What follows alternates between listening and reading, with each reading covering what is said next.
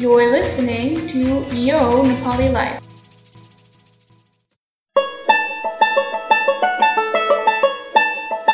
मेरो कजन र म एक जमानामा अमेरिकन सिटी पिट्सबर्ग घुम्न निस्केका थियौँ। अनि त्यहाँ एउटा डाँडा जस्तो ठाउँ रहेछ। डियुक्युयुइएसएनई हाइट्स अब त्यसलाई कसरी प्रनाउन्स गर्ने भनेर दुई दाजुभाइलाई पऱ्यो फसाद।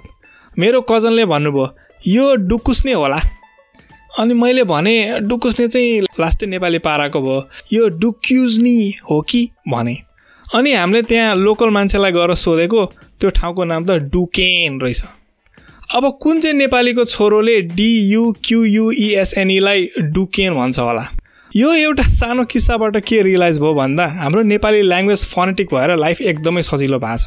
फनेटिक ल्याङ्ग्वेज भने कुनै पनि शब्द वा लेटर हेरेर त्यसलाई एक्ज्याक्टली कसरी प्रनाउन्स गर्ने हो भन्ने एबिलिटी भएको ल्याङ्ग्वेज जस्तै कि यदि नेपालीमा कसैले डुकुस्ने मोमो पसल भनेर पसल माथिको साइनबोर्डमा नेपालीमा लेखा छ भने त्यो मोमो पसललाई डुकुस्ने मोमो पसल नै भनिन्छ। कुनै माइके लालले बढी जान्ने भएर होइन केटा हो यसलाई डुकेन भनेर उच्चारण गर्ने हो भनेर भन्दैन। देवनागरी स्क्रिप्टमा नेपालीमा जस्तो लेखिन्छ त्यस्तै नै पढिन्छ।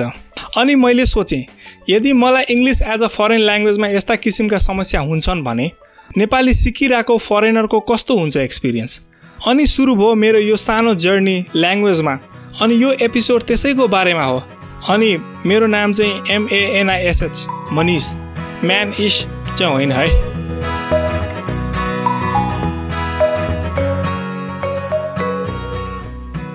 मैले फर्स्टमा नेपाली ल्याङ्ग्वेज सिकिरहेकी एक अमेरिकन ग्रेस केनालीलाई हाम्रो भाषाको बारेमा केही प्रश्नहरू गरेँ hello Grace how have you been learning Nepali and for how long have you been learning Nepali Hi, uh, I've been learning since May, and I'm just learning conversational Nepali. I'm not learning the script. I'm not learning how to read or write or anything. So, if I understand you correctly, you're not learning Nepali Devanagari script. Because of that, do you run into any kind of problem?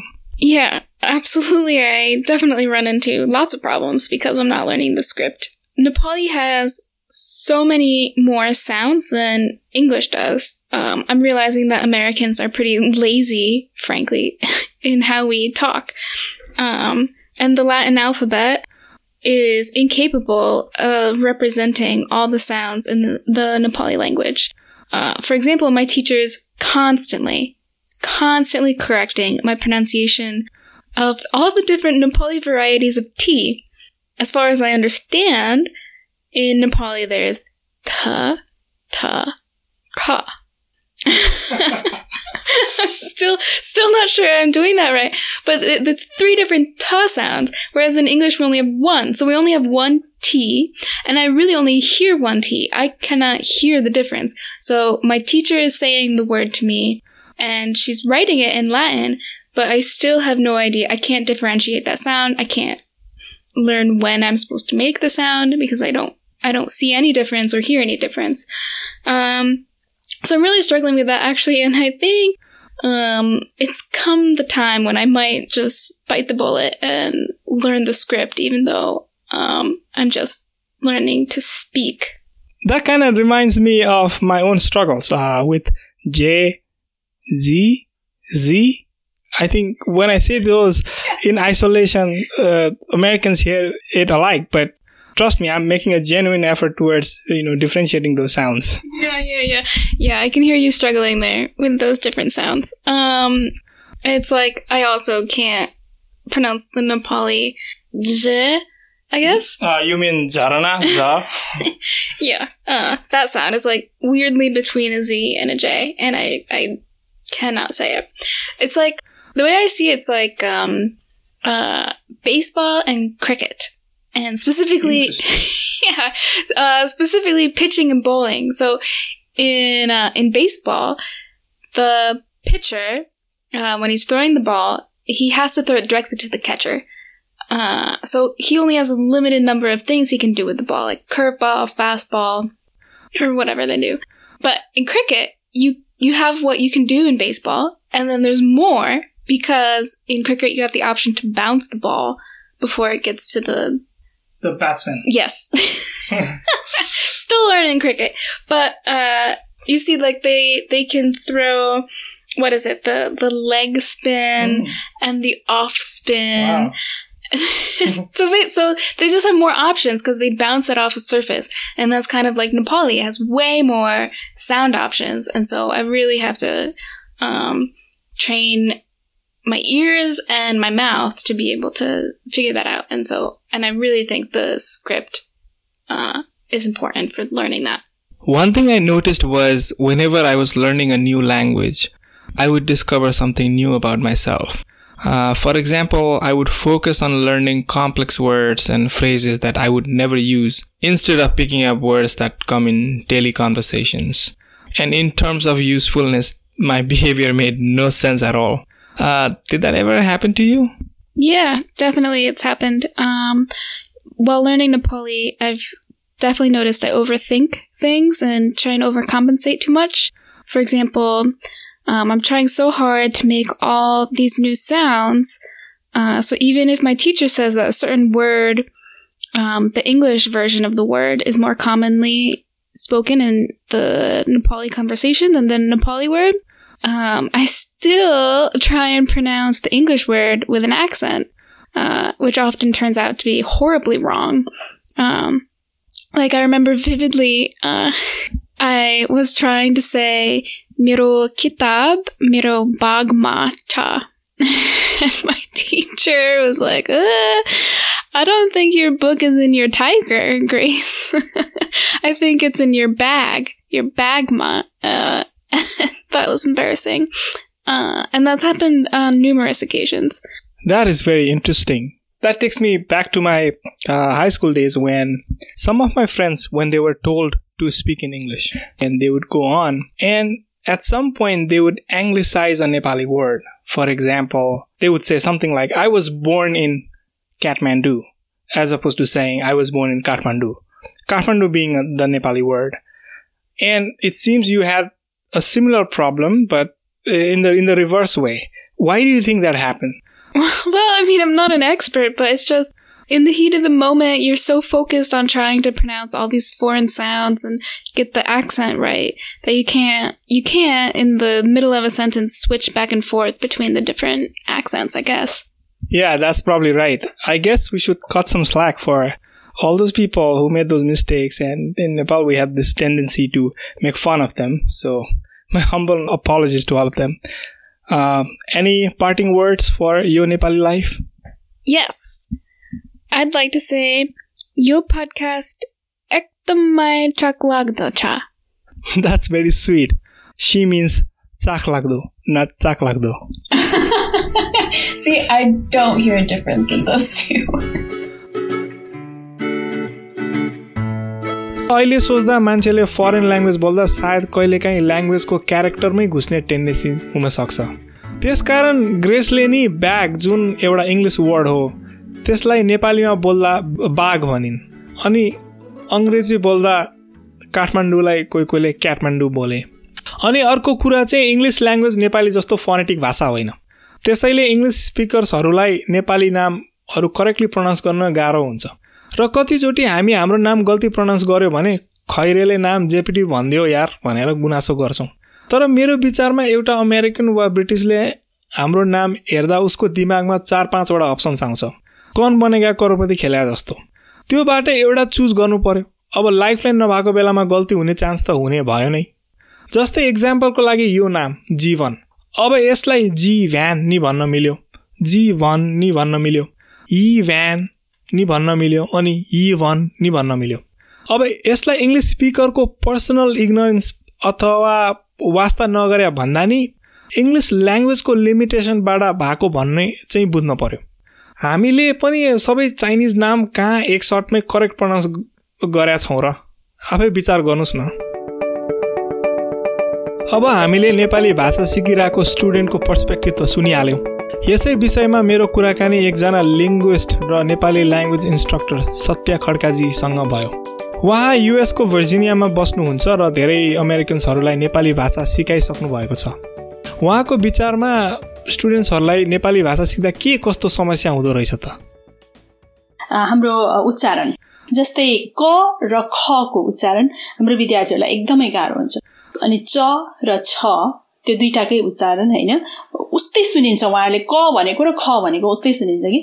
अनि हामीले चाहिँ उच्चारण गर्दाखेरि पनि उहाँहरू भन्नुहुन्छ कि तपाईँहरूले क र ख भनेको उस्तै सुन्छौँ हामी भनेर उहाँले भन्नुहुन्छ। अनि त्यो कसरी क उच्चारण गर्दाखेरि चाहिँ त्यो क भन्दाखेरि चाहिँ नन एसपिरेटेड हो अनि ख भन्दाखेरि चाहिँ एसपिरेटेड हो। अनि त्यो हामीले चाहिँ गरेर देखाएर यो ख भन्दा चाहिँ यसरी हावा जस्तो मुखबाट आउँछ होइन यसरी बोल्नुपर्छ भनेर हामीले सिकाएपछि बल्ल अनि निकै लामो अभ्यासपछि उहाँहरू गर्न सक्नुहुन्छ होइन। अब त्यति क ख च र छ मात्र होइन त र ट थ र ठ द र ड ध र ढको उच्चारण चाहिँ एकदमै गाह्रो हुन्छ उहाँहरूलाई होइन? अब त भन्दाखेरि चाहिँ त्यो डेन्टल हो होइन?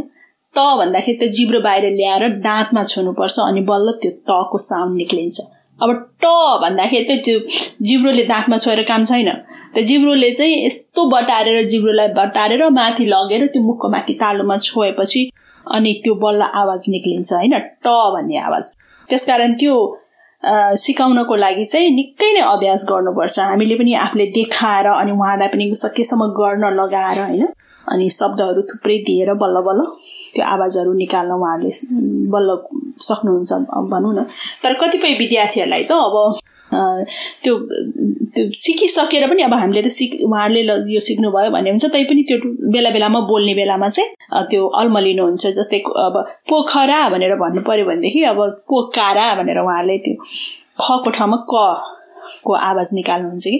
त्यो अलि हाँस उठ्दै हुन्छ है तर तर धेरै विद्यार्थीहरूले चाहिँ लामो अभ्यास त चाहिँ गर्न सक्नुहुन्छ उहाँहरूले होइन। तर कतिपयलाई चाहिँ त्यस्तो धेरै नै समस्या उहाँलाई त्यो हुन्छ त्यो उच्चारणमा। त्यसै गरेर अब नेजल साउन्डको कुरा गर्दाखेरि पनि नि अब ङ अण र ज्ञ यो तिनवटा चाहिँ नेजल साउन्ड उच्चारण गर्न हाम्रो विद्यार्थीहरूलाई निकै गाह्रो हुन्छ होइन? अनि अब कतिपय विद्यार्थीहरूले त्यो अणको त उच्चारण नै गर्न सक्नुहुन्न। किनभने अब त्यो अब गणेश भनेर भन्दाखेरि हामीले गणेश भनेर सिकाउँछौँ कि। अब जस्तै रेगुलर न एनए न भनेको चाहिँ त्यो लोवर केस एनए हो होइन?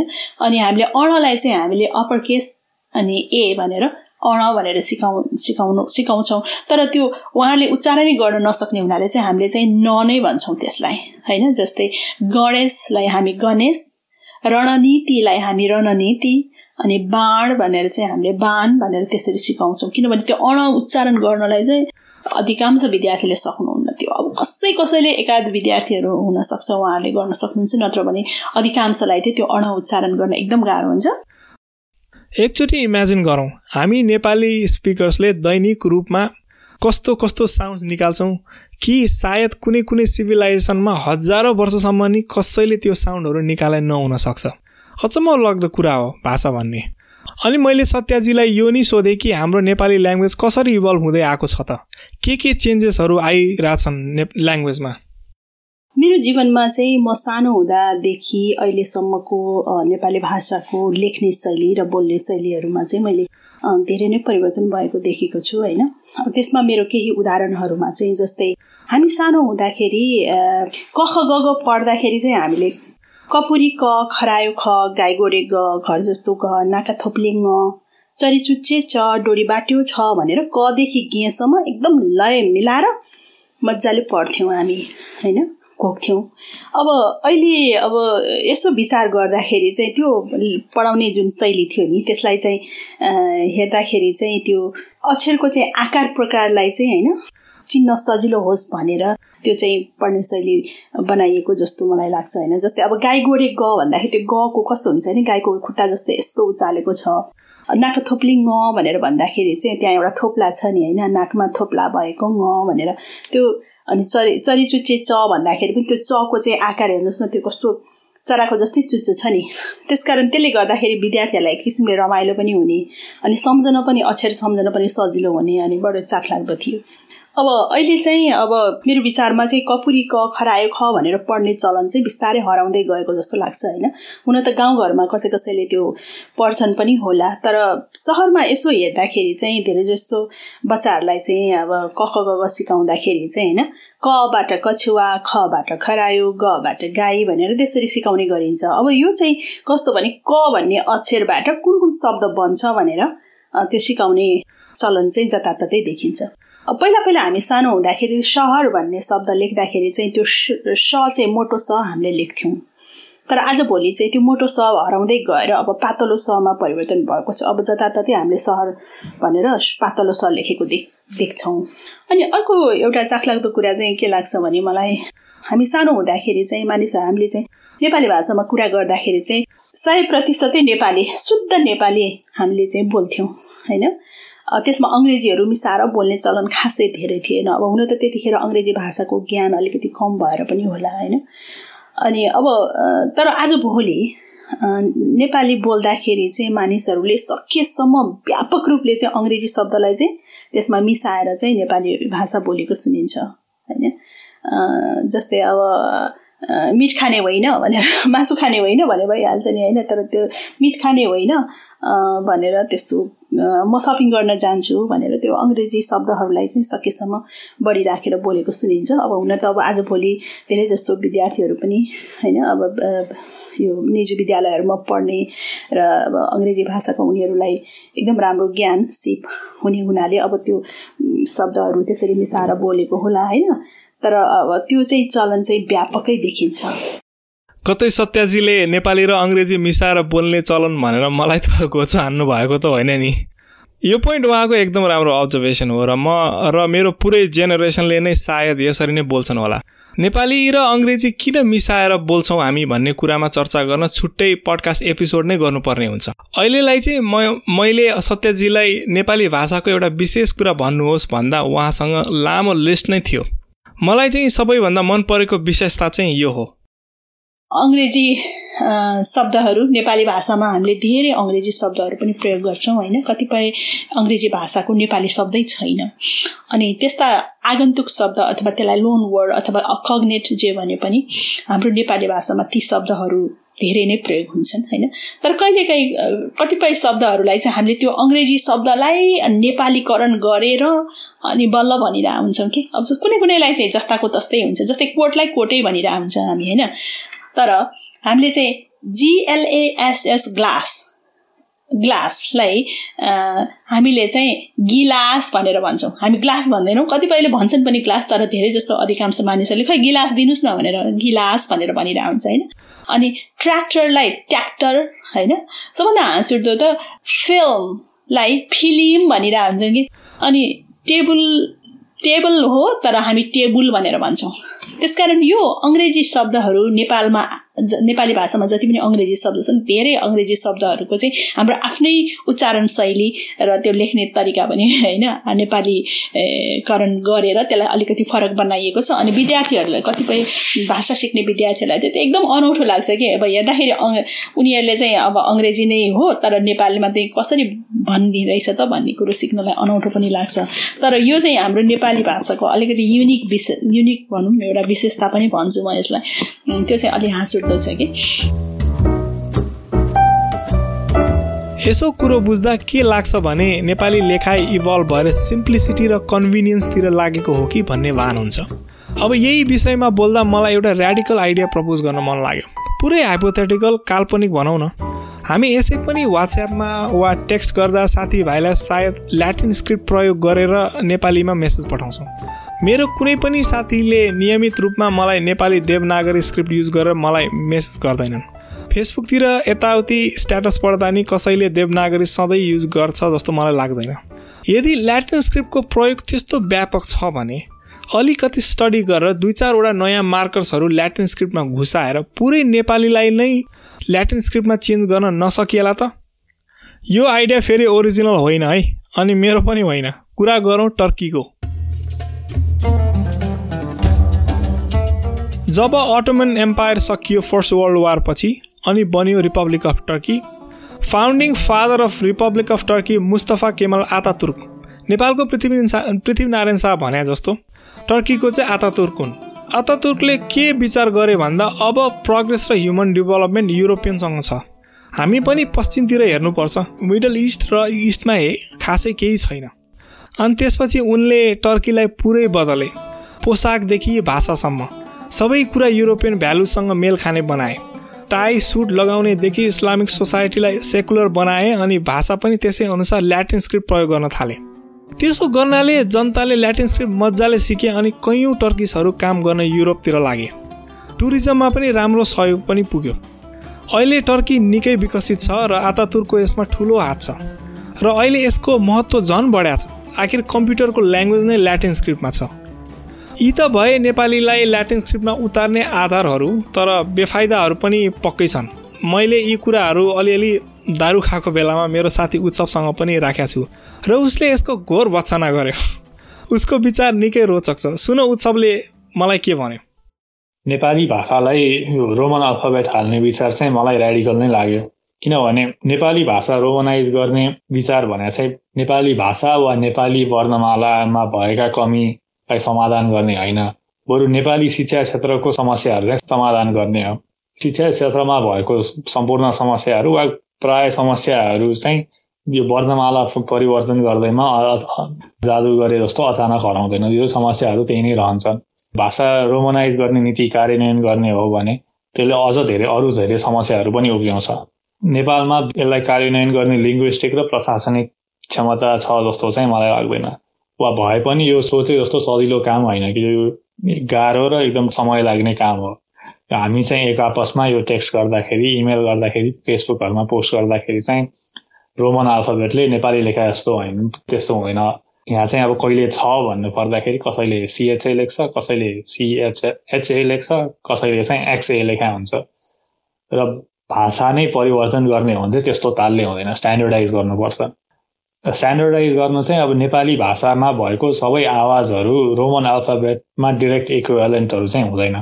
त्यसलाई अरू सिम्बलहरू हालेर नयाँ नयाँ अक्षर बनाउनु पर्छ त्यो आवाज व्यक्त गर्ने नयाँ नयाँ नियम बनाउनु पर्छ र यो गर्न नसकिने काम चाहिँ होइन। यो टर्की भयो भियतनाम र अरू विभिन्न देशहरूमा पनि लोकल भाषालाई चाहिँ रोमन अल्फाबेटकै माध्यमबाट उनीहरूले लेख्ने पढ्ने गरेका छन् र यो चाहिँ कोलोनियल लेगसी हो हुन त। तर नियमहरू बनाएर उनीहरूले त्यही अनुसार नै भाषामा लेख्छन् पढ्छन्। नेपालको परिवेक्षमा चाहिँ हाम्रो प्रशासनिक क्षमता चाहिँ छैन। किनभने परिवर्तन त्यो नियमहरू बनाउनु पर्यो र बनाउ कसरी बनाउने भनेर अलिकति एउटा एक्सपर्टहरूको विचार सङ्कलन गरेर अलि राम अलि सिस्टमेटिक ढङ्गले त्यो बन नियमहरू बनाउनु पर्छ र टाइम त्यो गर्न टाइम लाग्छ। र त्यो बनाउने नियमहरू बनाइसकेपछि पनि त्यसलाई कार्यान्वयन गर्न चाहिँ अलिक गाह्रै काम हो। किनभने काठमाडौँ र अरू सहर सहरहरूमा भएको बोर्डिङ स्कुलहरूदेखि लिएर एकदम विकट गाउँहरूको स्कुलहरूमा चाहिँ त्यो एकैचोटि ल्याउनुपर्छ त्यो नयाँ वर्णमाला। नत्र फेरि यो शिक्षा क्षेत्रमा असा असमानताको प्रश्नहरू उठ्छ। यसै त अब पढाइमा हाम्रो कमजोरी छ। झन् अब यो नयाँ कम्प्लिकेसन लिएर आएपछि चाहिँ मेरो विचारमा यो झन् झन् गाह्रो हुन्छ विद्यार्थीहरूलाई र शिक्षकहरूलाई पनि अलिक गाह्रै हुन्छ।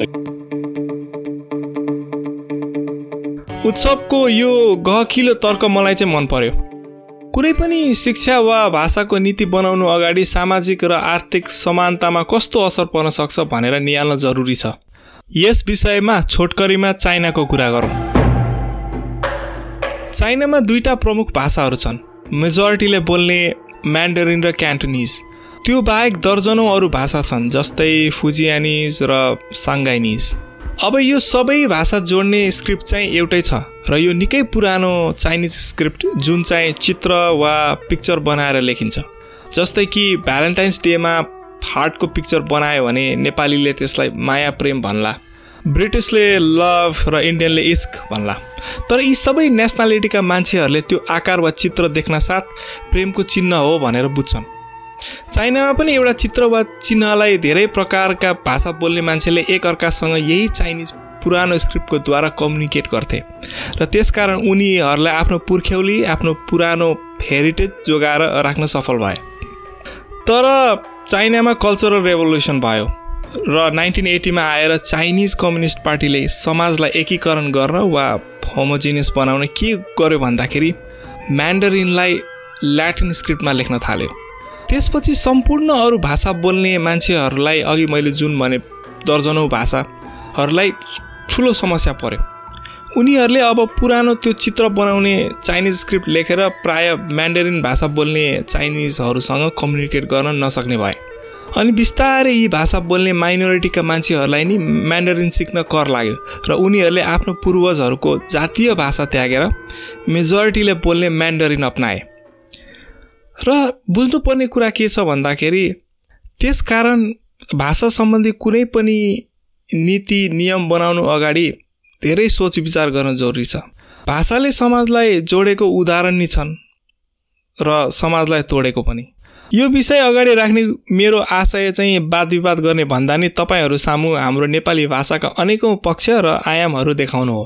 हाम्रो नेपाली भाषाको साउन्ड्सदेखि स्ट्रक्चर अनि यसमा परिरहेका अरू इन्फ्लुएन्सेसहरू र भविष्यमा उठ्न सक्ने पोलिसीका प्रश्नहरू अगाडि राख्न मात्र खोजेको हुँ। मलाई चाहिँ निकै इन्ट्रेस्टिङ लाग्छ यी सबै कुराहरू। अब जाँदा जाँदा एउटा रोचक प्रसङ्ग भन्न मन लाग्यो।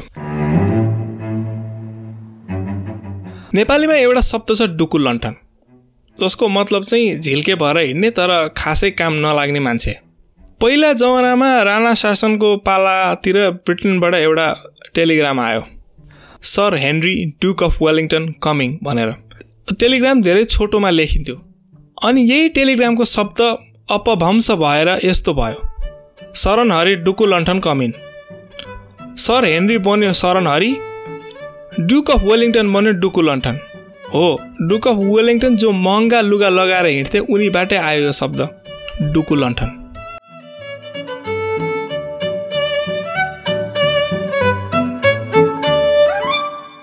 Hello everyone, hope you enjoyed that episode. यदि तपाईँहरूले हामीले गरिरहेको काम मन परेको छ भने here's how you can support us. If you're listening on YouTube, please subscribe to us there, and if possible, leave a comment on our video. If you're listening to us on an audio platform, Apple, Google, Spotify, Zboy, पनि please give us a rating on that podcast app. That really helps us out. We're also on all social media platforms. Just look for Yo Nepali Life. Only finally, if you've got friends, family, जो भए पनि if you think they would enjoy this podcast, please share our work with them. all right, then. Until next time, it's goodbye from us here at the production team. Bye bye. You're listening to Yo Nepali Life.